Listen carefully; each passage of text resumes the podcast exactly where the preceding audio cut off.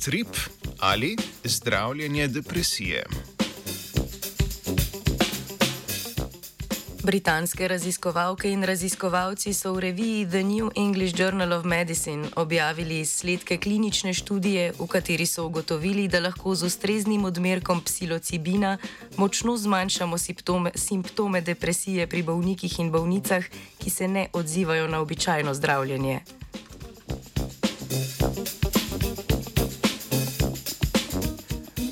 Ena izmed oblik depresije je na terapijo rezistentna depresija. Definiramo jo kot obliko, pri kateri se kljub zdravljenju s klasičnimi antidepresivi simptomi ne izboljšajo. Kot alternativne možnosti zdravljenja se zadnjih nekaj let poleg ketamina preizkuje tudi psihedelik psilocibin, ki ga naravno najdemo v gobah iz rodu psilocibe. Njegova aktivna oblika psilocin deluje kot delni agonist serotoninskih receptorjev in aktivira podskupino ionskih kanalov, kar izboljša razpoloženje.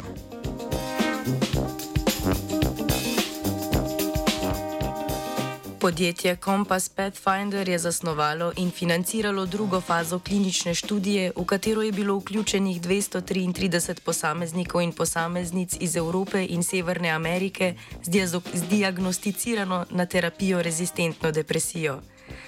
Namen študije je bil določiti primeren in učinkovit odmerek psilocibina ter oceniti njegovo varnost. Za vrednotenje stopnje depresije so uporabili eno izmed standardnih vprašalnih lestvic in sicer Montgomery Aspergino lestvico depresije.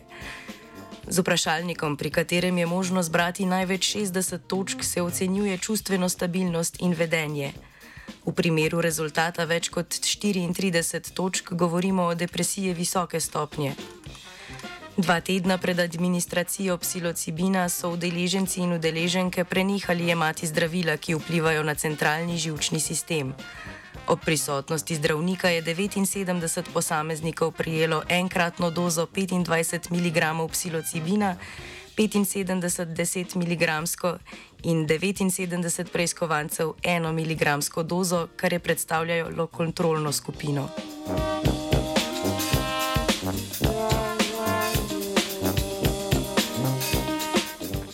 Tri tedne po terapiji so z uporabo vprašalnika ponovno ocenili duševno stanje in rezultat primerjali z začetnim seštevkom. Ugotovili so, da je prejeta doza 25 mg psilocibina pri 37 odstotkih udeleženk in udeležencev za polovico zmanjšala stopnjo depresije. Pri manjših odmerkih so bili rezultati izboljšanja slabši. Pri 10 mg se je stanje izboljšalo le 9 odstotkom, pri 1 mg pa 8 odstotkom preiskovancev. Stopnjo depresije so ocenili še 12 teden po prejetem odmerku in ugotovili, da imajo vse skupine blaže simptome depresije kot pred začetkom sodelovanja v študiji.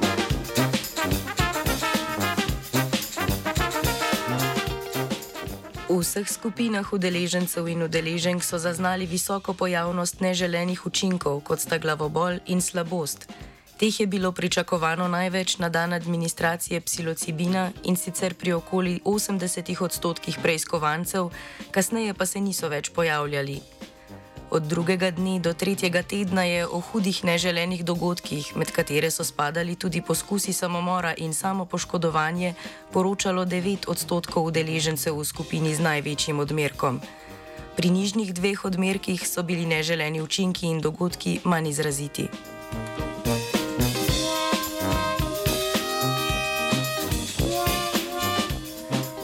Klinični študiji so statistično pomembno izboljšanje stanja depresije zaznali pri udeleženkah in udeležencih, ki so prejeli enkratni odmerek 25 mg psilocibina.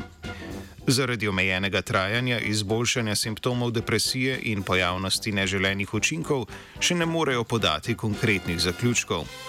Pred uporabo psilocibina za zdravljenje na terapijo rezistentne depresije bo treba upraviti še, in četrt, še tretjo in četrto fazo kliničnega testiranja. O obetavnem tripu je pisala Eva.